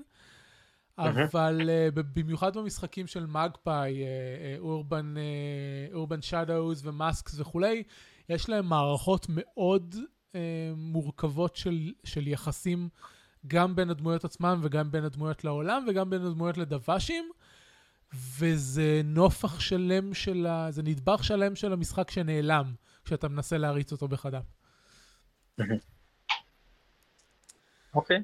כן, כן אה, מסכים. מה עוד היה לי להגיד על זה? שבהקשר של לתת לשחקנים אה, לפתור את הבעיות שאתה יוצר להם, אז אה, עולם המבוך, אה, בגלל השורשים ה-D&D'ים שלו, יש לו הרבה מאוד מהלכים ש, שקשורים ישירות לקרבות, אבל עדיין, בגלל שזה מבוסס על אפוקליפסה, אז יש להם הרבה מאוד מהלכים גם שנותנים אה, אה, אה, איזושהי שליטה נרטיבית. ומה שקרה במפגש האחרון שלנו, ש, שפשוט זה היה כל כך מוצלח שזה, שזה יושב איתי, זה שיש, אה, ערן אבירם משחק אה, את בלדין הברברי, הוא גמד ברברי. אה, ויש לו מהלך שאומר שאם הוא, לברברי בשיטה הזאת יש תאוות. הוא רודף אחרי אה, אה, אוכל או כסף או כל מיני דברים כן, כאלה. כיף, אני מת על הברברים. הוא מצוין. בשיטה הזאת. ויש לו כל מיני מהלכים שאם אתה רודף אחרי התאווה שלך, הם נותנים לו יתרונות. ובמקרה הזה יש לו מהלך אה, מתקדם, שאומר שאם הוא אה, מתגרה בגורל אה, ויוצא לו תוצאה של 12 ומעלה, שזה אה, גבוה, כלומר, ההצלחה הטובה בשיטה היא 10, וההצלחה הבינונית זה 7 עד 9, אז 12 זה מעל ומעבר, אז yeah. כן. הוא לוקח את, ה, את הסכנה שהוא התגרה בה, uh, כאילו באנגלית זה נקרא defy danger, ובעברית תרגמנו לזה להתגרות בגורל, אז הוא לוקח את הגורל הזה שהוא התגרה בו, והוא הופך אותו על פניו. אז, ב, בס... אז בסיטואציה ש, שהייתה לנו, אה, אה, הצגתי להם איזשהו בוס חדש, שזה אה, מישהו עם כל מיני חפצים טכנומגיים מגניבים כאלה. והוא בא לירות בקלשון סול שלו, שזה סוג של, של נשק אנרגיה כזה, והוא יורה בבלדין, ובלדין אמר, לא, אני עומד פה ואני סופג את הירייה הזאת. אז הוא מתגרה בגורל עם החוסן שלו, והוא מוציא 12. אוקיי, איך, איך, איך, איך אתה הופך את הדבר הזה על פניו וזה, אז אני חושב על זה, חושב על זה, חושב על זה. ואז אני נזכר שבמפגש השני שלנו, השני או השלישי, משהו כזה, אה, ערן משחק את בלדין בתור מישהו שמנסה כל דבר, בגלל שאחת התאוות שלו זה, זה מזון. אז הם הגיעו לבאר של, חום, של נוזל קסום, ובלדין שתה ממנו. אז אני אומר, זה טוב. ולא עשיתם את זה שום דבר מאז. אה, זהו, ולא עשינו את זה שום דבר מאז. אני אומר, טוב, אז יש לו שאריות של החומר במערכת, וברגע שקליע האנרגיה הזה פוגע בו, זה בעצם יוצר תגובת נגד עם החומר שנמצא במערכת, ואז הוא יצר כזה גל הדף ש... שהימם את כל מי שבסביבה שלהם וזה, והיה מגניב. אה, וזה גם היה הזדמנות להשתמש בפלשבק תוך כדי המשחק, שזה גם, שזה גם נחמד לפעמים. בקיצור, היה, היה מאוד מוצלח. אה, זה, זה מה שאני אוהב בשיטות כאלה שנעשות, מכריחות אותך להוסיף אפקטים כאילו של כן, אה, כן אבל, כן וגם, כל הדברים האלה, אה, כן. אה, ש, שזה לא רק הצלחה או כישלון, אלא איזה עוד תופעות לוואי יש להצלחה ולכישלון האלה. זה מוציא ממך כל מיני דברים שלא היית חושב עליהם אחרת. נכון. אה, זהו, ואפילו נגיד בפספוס, אה, שזה שש ומטה, המשחק אומר לך, אם פספסת וזה לא מקדם את הסיפור, זה לא מעניין. אז אה, כאילו, אל תעשה את זה. אפילו פספוס צריך לקדם את הסיפור, לקדם את המשחק לאנשהו. וזה פשוט הזדמנות בשביל המנחה להכניס עוד יותר סיבוכים לחיים של הדמויות. אז זה אחד הדברים ש... כן. שאני אוהב. בכלל, הכותרת, ש... תוך כדי שתרגמנו את uh, עולם המבוך, הכותרת שנתתי לזה זה uh, המשחק ש... שמקדד את, ה... את, ה... את שיטת ההנחיה שכבר, שכבר הייתה לי, הופך... והופך את זה ל... ל... לפורמט. Uh, זה אחד הדברים שאהבתי. Um, זהו, ודבר אחרון שרציתי פשוט להגיד בהקשר הזה, שדיברנו קודם על, אה, על במקשר של המשחקים החיים, ואמרת שלך אין זמן עכשיו לשבת על אה, משחק שהוא 24-7 וכולי. ואני נמצא דווקא במצב שמאוד בא לי, כאילו בגלל שזה גם משחק צ'אט וזה, מאוד בא לי כל הזמן לעשות איתו משהו. אז, אה, אז עכשיו, אחרי המפגש הקודם, היה לנו, שהוא היה לפני שבועיים, החלטנו שזה היה כזה סצנה דרמטי של, של סוף עונה, קראנו לזה סוף עונה. אמרנו, טוב, אז אני, אכני, אני אתחיל אה, להכניס קצת עלילות משנה ונעשה את זה באימיילים. אז באמת במשך השבוע האחרון נתתי לכל, אה, לכל אחד מהדמויות בנפרד סוג של side quest משלה.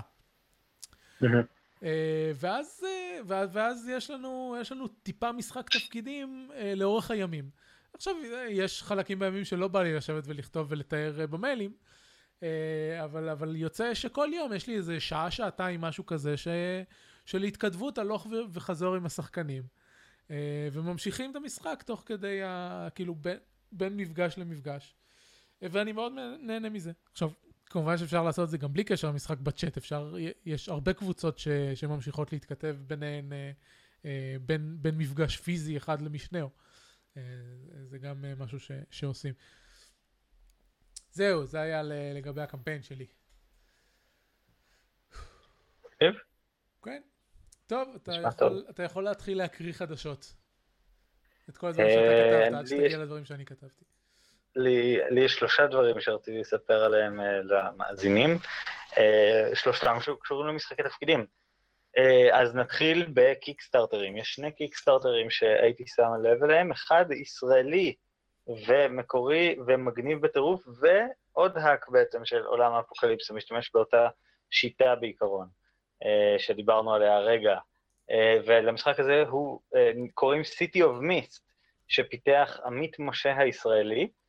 ה Kickstarter נפתח לפני כמעט בדיוק שבוע, הוא הגיע למטרת המימון שלו תוך בערך שש שעות, או משהו כזה.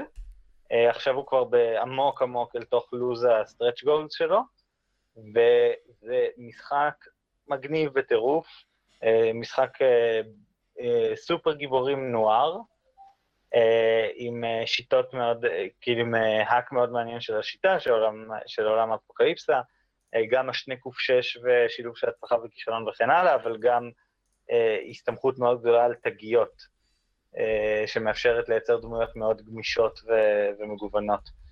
אז קישרנו לזה בשואו נוטס, וזה באמת מעולה, ואני מקווה שזה אה, יפרוץ עוד המון אה, גבולות של אה, מימון. כן. יש לציין אגב, זה הקיקסטארטר שהיה לי הכי כיף לתמוך בו מהבחינה הזאת של לחצתי על מדרגת מימון, והמחיר של המשלוח לא היה בערך באותו הגובה של המדרגת מימון. זה היה מאוד משמח. כן. וממש היום הם פרסמו, עמית פרסם לכבוד הלואוין, הרפתקה חדשה להורדה. חינם, כן. כן, ממש מגניב, ויש את כל הקוויק סטארט של המשחק זמין, אז ממש ממש שווה. כן, הסטארט אה, כן, זה ממש מגניב. אה, קמפיין Kickstarter אחר, אה, גם עולם המבוך, אבל לא ישראלי, אה, של החברה שאביב הזכיר קודם, Magpie Games, Bluebeard's Bride, זה המשחק, אחד המשחקים שהכי הלהיבו אותי ב Kickstarter כבר חודשים, אם לא בשנה האחרונה כל דבר שהם כותבים יוצא מצוין, אני לא מבין את האנשים האלה. כן, אבל, אבל היו שני, אני דילגתי על שני ה Kickstarterים האחרונים שלהם. אני, אני, אה, כבר לא, אני כבר לא תומך להם כי, כאילו טוב, אני פשוט אקנה את המשחק שהוא יגיע ל DriveThru, אני לא צריך לתמוך לכם ב Kickstarter. כן, אבל מצד שני, אה, אה, נגיד ב Kickstarter של אנגל קייט שהיה לפני שנתיים, כן, וזה תמכתי. אני תמכתי ב-10 דולר, קיבלתי שלושה PDFים שמוכרים כל אחד ב-15 דולר. הסדרה הזאת כל כך טובה. מדהימה לגמרי. דיברתי על, אני לא זוכר באיזה פרק זה היה, אבל דיברתי פה בהרחבה על last, לא, Cold Ruins of Last Life, שלדעתי הוא הסטינג בוק הכי טוב שיצא לי לקרוא אי פעם. כן, וה setting book זה ב tabletop. ההמרה הכי טובה. כן. אז, אז Bluebeard's Bride הוא משחק מאוד משונה. הוא מזכיר לי איכשהו את, את מה שקודם זכה לפרס ה hack הכי מוזר והכי ספציפי של Apocalypse Engine שראיתי. ה hack הקודם שאני מדבר עליו הוא Night Witches, אחד מממ. המוצרים הכי מדהימים, משחקי התפקידים הכי חכמים שראיתי בכלל, והניצול הכי טוב, אחד מהניצולים הכי טובים של המנוע של, של עולם האפוקליפסה. אז אם ב Night Witches אתה משחק טייסות קרב במלחמת העולם השנייה, והעלילה כולה ידועה מראש, ו... ואתה, ואנשים תוהים איך אני עושה מזה קמפיין שלם, וזה עובד. אז Bluebeard's Bride זה, זה לשחק את האגדה, אשתו של כחול, אה, כלתו של כחול הזקן, אה, שזה סיפור על אה, מישהי שהתחתנה עם מישהו עם זקן כחול, הוא היה צריך לצאת כשהם הגיעו לב... לאחוזה הענקית שלו, נתן לה מפתחות לכל הדלתות ואמר, את יכולה לטייל בכל מקום, חוץ מבחדר ההוא. ובחדר ההוא, כשהיא נכנסה אליו בסוף, היא ראתה את הגופות של הקלות הקודמות שלו. זה על פניו לא נשמע כמו משהו שאפשר לעשות ממנו משחק שלם, אבל הם עשו ממנו משחק שלם, שבו... בשלב הבא, האדונית והרוכל, משחק התפקידים. אה, הרעיון שמשחקים את ה... אה, כמספר השחקנים, בין שניים לחמישה צדדים באישיות של הכלה, ולאט לאט בעצם אה, חוקרים את הבית ומתמודדים עם כל מיני, כל חדר אמור לעורר איזושהי שאלה אחרת על נאמנות לעומת אה, עצמאות והמקום שלה, כאילו, המקום שלה בחיים של בעלה, והאם הוא אוהב אותה, ואם יש לה ביטחון עצמי בעצמה, או כל מיני דברים כאלה. והמשחק נותן ארגז כלים, כבר הקוויק סטארט שאפשר להגיד, שזה מין כבר עכשיו לתומכים. נותן מספיק כלים אה, אה, לעשות את זה, והם הולכים לעשות מזה משחק מלא, וזה מדהים, זה ממש ממש נראה טוב, ואני הולך להריץ את זה בכנס ביגור הקרוב. אבל עשית ספוילר לסוף. אתה אמור לדעת את הסוף מההתחלה.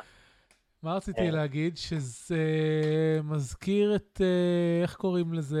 אני, אני, אני, מה שתקוע לי עכשיו בראש זה להיות ג'ון מלקוביץ', אבל למשחק, למשחק לא קוראים להיות ג'ון מלקוביץ', לסרט קוראים להיות ג'ון מלקוביץ'. Uh, המשחק הוא שכולם משחקים את אותו בן אדם, אני לא זוכר איך קוראים לו. פני פור יור פאנס? לא. לא, לא. Uh, לא. זה, זה גם, זה, זה שם של מישהו. אז לא, אני לא יודע. זה היה ב... Uh, טוב, תמשיך, אני אחפש את זה בוואן שוט, כי זה היה בוואן שוט. כן, קיצור, זה, זה משחק ממש מגניב. אני מאוד מאוד מחכה לראות איך הוא יצא בסוף, ו... ו... זהו, זה, זה אחד השימושים הכי מעניינים שראיתי למנוע. אה, אז זה, והדבר האחרון שרציתי לעדכן עליו, זה כנס ביגור, אה, כנס משחקי התפקידים הגדול של פסח, ששבר בעצם שיא חדש, והגשת האירועים לכנס נפתחה כבר עכשיו, באוקטובר. אה, אני יכול לספר לכם, כמישהו שנמצא בפנים, נרשמו... אה, everyone is John, נכון, שמעתי על זה.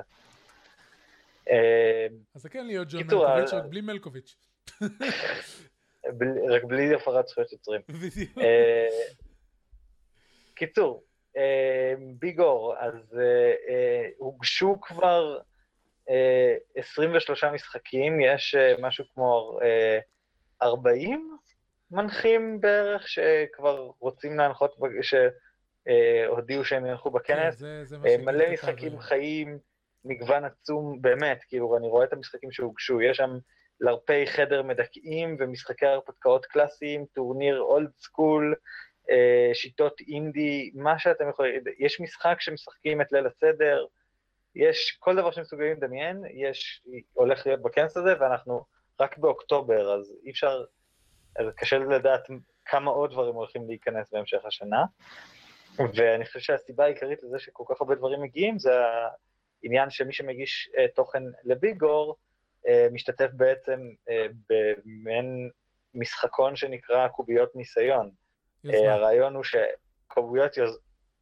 יוזמה, uh, שזה אומר, uh, שזה בעצם מדד שיופיע ליד המשחקים כמה המנחה התכונן אליהם, אה, האם הוא שלח את הקדימון אה, מראש, האם הוא, של, האם הוא שלח לצוות הכנס משחק כתוב, האם הוא עשה הרצת ניסיון, האם הוא כתב אותו ביחד עם מנחים אחרים, אה, כל מיני דברים כאלה, שנועדו לעודד אנשים להגיע כמה שיותר מוכנים לכנס, וזה עובד, אנחנו כבר שומעים על playtestים, אני הולך להשתתף בשבועות הקרובים בשניים או שלושה playtestים לכנס הזה, ולהריץ משלי זה ממש מגניב, ובאמת נראה לי הולך להיות אחד הביגורים הכי טובים אי פעם, אם לא ה... כן, זה... יש, יש לו מנהל שידע להקשיב לאנשים. ידע להקשיב לאנשים. עכשיו יש לי כן. הדמי אצלך. אה, אז אני אה, אשתיק את עצמי, ואז לא לך הדמי. אני לא יודע למה פתאום זה התחיל לעשות עדים מהצד שלך, לא יודע מה קורה אצלך שם. כן, אז אה, גיל רן מנהל את ביגור השנה, ואני גם הייתי חלק מהצוות בהתחלה, אבל אז הגעתי למסקנה שלא הולך להיות לי זמן בשלושת החודשים הקרובים, אז פרשתי, אבל לפני שפרשתי גם הכנתי את הגרסה הנוכחית של האתר של ביגור, uh, גם עזרתי קצת עם האסטרטגיה השיווקית, uh, כל מיני המלצות, uh, דאגתי שיסתכלו על, המלצות שגם אני וגם אנשים אחרים כתבנו בשנים קודמות, וגיל עושה עבודה מאוד מאוד טובה בלקחת כל ההמלצות האלה ובאמת ליישם אותן. אה, ותוך כדי גם איכשהו בדרך קסם להצליח שאנשים לא יכעסו עליו. שזה מה שקרה כן, פעם קודמת שניסו לעשות שינויים בביגו. כן, יש לו כישרון מאוד טוב בזה, וזהו, אז יש אה, כישורים לאתר של ביגור, להגשת המשחקים, ושווה לעקוב אחרי ביגור כי, ואחרי העמוד שלו, כי בואו נגיד את זה ככה, הולכים להיות המון המון המון אירועים מקדימים. אה, כל מיני סדנאות שילמדו אתכם, אה, את המנח... מי שרוצה להנחות בכנס, אה, איך להנחות משחקים מסוימים, כמה סדנאות מאוד מקצועיות על איך להנחות משחקים חיים, מפגשי כתיבה, מלא מלא דברים כאלה. בקיצור, זה יהיה הביגור הכי עמוס בהיסטוריה של הביגורים. ואחת ההמלצות שהתקבלו זה להעביר אותו ללא בחול המועד, אלא שבוע לפני חול המועד. כן, לחזור לזמן שמתאים והנכון לביגורים, בלי מצות. תודה לאל. אה, אני עדיין חושב מה להריץ, אם להריץ. אה, מה שרציתי להריץ אה, היה פרק של הכתפי גמדים, שעשינו חישול מערכה להפרעה בינארית, שזאת מערכה היסטוריה אלטרנטיבית בשנות החמישים במלחמה הקרה. שעל כדור הארץ יש אה, מין של רובוטים לצד בני, בני אדם, ופצצות אטום יוצרים אה, חורים לעולמות אחרים. אה, והרעיון שאני, העליתי בסוף החישול מערכה הזה, זה להריץ ב... להריץ מולטי גיים במערכה הזאת עם כמה שיטות שונות, שכל שיטה מתמקדת בפן אחר שלהם. אז לעשות משחק שהוא קלאסי של Monster of the Week, לעשות משחק שהוא יותר הפוליטיקה של זה. רצינו לקחת את ה-Night Witch ולהשתמש בהם בשביל uh, לעשות uh, משחק uh, ב- uh, ברוסיה הסובייטית של העולם הזה, של מאחורי מסך הברזל, כל מיני דברים כאלה. אבל עד עכשיו לי ולאורי ליפשיץ לא יצא לשבת ולפתח את זה, אז אני לא יודע אם זה יקרה. יש מפגש למנחים, מפגש הכנת, הגשת תוך תוכן לכנס. אה, בירושלים, במרכז, נראה לי בבני ברק, ובחיפה. כן, עוד אבל... שבועיים. בשביל שזה יקרה, אנחנו קודם כל צריכים לשבת ולהחליט קודם כל ללטש את המערכה מעבר לחישול המערכה, כי חישול מערכה זה לא מספיק בשביל זה, ואז להחליט על, על, על מה הולכת להיות עלילת העל שנכתוב את המשחקים אליה. ואז נגיע לשלב שיהיה אפשר להריץ, להגיש משחקים לביגו. אז, אוקיי, אה, יאללה, אז לכו על זה, יהיה מגניב. מה טוב. יכול להיות שזה יקרה. קול. אה, איזה עוד חדשות יש? אה, נכון, סליחה, יש, יש, יש עוד דבר שכמעט שכחתי, שנפתחה גם הגשת האירועים לקרמיקון העשור, כנס בכרמיאל, ש... בחנוכה. כפי שאפשר להבין משמו, זו השנה העשירית שהוא התקיים. כן. אה, אז אה, זה מקום שאנחנו שולחים אליו את כל מנחי ביגור לצבור קוביות יוזמה. אה, כלומר, לכתוב, להגיש משחקים גם לביגור וגם לקרמיקון, אז... להריץ אותם בקרמיקון ולקבל עליהם את הנקודה של playtest. מה שאתה אומר זה תריצו את המשחקים הדפוקים שלכם בקרמיקון, כדי שבביגור הם לא יהיו דפוקים. אה, אם אתם רוצים אפשר לעשות playtest גם וגם, אבל אנחנו אומרים, אנשים יכולים גם, גם הרצת המשחק בקרמיקון תחשב כ playtest. אז זה מאוד שווה. למיטב הבנתי, גם הרצה בכל כנס אחר או בבית. נחשבת... כל, אה... דבר, כל דבר שהוא לא באינטרנט נחשב. מה, זה למה? זה, uh, באינטרנט היה לנו דיון מאוד ארוך על זה, והמסקנה וה, הייתה שכשאתה uh, עושה הרצאת ניסיון למשחק באינטרנט, הרבה דברים שעובדים לך בגלל שזה אינטרנט לא יהיו נכונים בכנס, והרבה דברים שיעבדו לך בכנס לא יהיו נכונים כשאתה מריץ את זה באינטרנט. אז כי לצורך העניין. כדי להספיק משחק של, כאילו הדבר הכי חשוב פחות או יותר במשחק כן, שזה טיימינג, תזמון המשחק לזמן של ה slot שאליו הגשת, אז הוא לא עובד ב-Roll 20 או בהרצות אינטרנט, כלומר אתה מאבד זמן. טוב, אני לא אה, אכנס לזה עכשיו בדיון הזה. לא, כי זה אומר שאני בהכרח לא אעשה playtest, ואז נגיד גם ערן, אני מניח, לא הולך לקבל את ה playtest שלו. אה, אז אה, זה המסקנה שלנו מהדיון הזה היום בצהריים, אני יודע. טוב, שיהיה לכם בכיף. אה, יש עוד מיליון וחצי חדשות, כי הייתי בטוח שהפרק הזה הולך להיות כן. עשר דקות משחקים ואז את כל החדשות, אבל איכשהו תמיד אנחנו מצליחים למרוח את המשחקים על כל הזמן. אז, אז באמת ש, כתבתי מלא על, על חדשות ו, וכתבות שכדאי לקרוא, אז תיכנסו להערות הפרק ותקראו את מה שכתבתי, אנחנו לא נעבור על זה עכשיו. אה, אחד הכישורים ש, שהכנסתי הוא לעצמי, וזה מתקשר לסדרות שראיתי השבוע. אה, טוב, אוקיי. זהו, אה, ציפיות לעתיד, אתה לא מילאת את זה, אבל אתה יכול להגיד בכל זאת, מה, מה אתה הולך לשחק בזמן הקרוב? אה, אז חוץ מזה שאני קונה מחשב גיימינג סוף סוף אחרי איזה שנה וחצי שהמחשב שלי לא תפקד בהקשר הזה, אז, אה, אז אני אחזור לשחק דברים. אה, אני משחק, אני צפוי לשחק שני וואן טיימרים בזמן הקרוב, מתוך אוגדן, אוגדן הקלאסיקות 2, שיוצא בביגור הקרוב. אחד זה המשחק The Killing Times, שכתב במקור יוסי גורביץ ושכתב אותו גיל רן. אותו אני מקווה לשחק אפילו כבר בשבוע הבא. Uh, והמשחק שאוט, שהוכתר על ידי כל מיני אנשים כהוואן טיימר הכי טוב שנכתב בעברית אי פעם או משהו, uh, של uh, עדי אלקין. אז למה השם שלו באנגלית? מה? אז למה השם שלו באנגלית? בדע. שנות ה-90, אתה יודע איך זה. ו-2000 מוקדמות. אז אבל אני אשחק אותו בהרצה של מיכאל פבזנר, אבל כתבה אותו עדי אלקין לשעבר גינת הדיגי.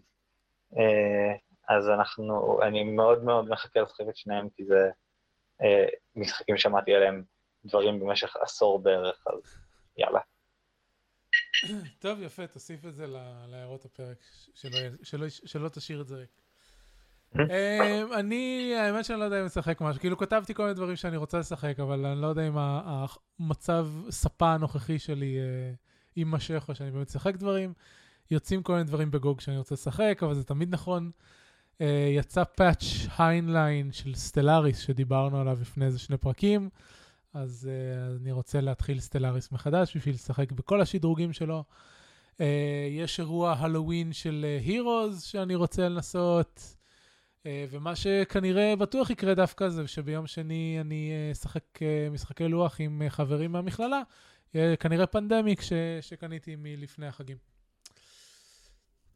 זהו, זה הכל, זה היה פרק. אה, ראוך ויהודה צריכים לחזור לתוכנית הזאת כדי שאני אחזיר אותנו למתחת שעה וחצי. כל פעם שיש אורחים אנחנו נמרחים בזמן. כן, אנשים שחופרים יותר מדי כמובן, צר לי. אה, אני יכולתי פשוט לקצץ את עצמי גם, אתה יודע. כן, אה, כן, זהו, למה? זה היה שורפים משחקים עונה שלישית, פרק 13. אה, כל הפרקים באתר אייסן.מי. וזה הכל, אני אביב מנוח. אני חגל קיים, ולהתראות! להתראות.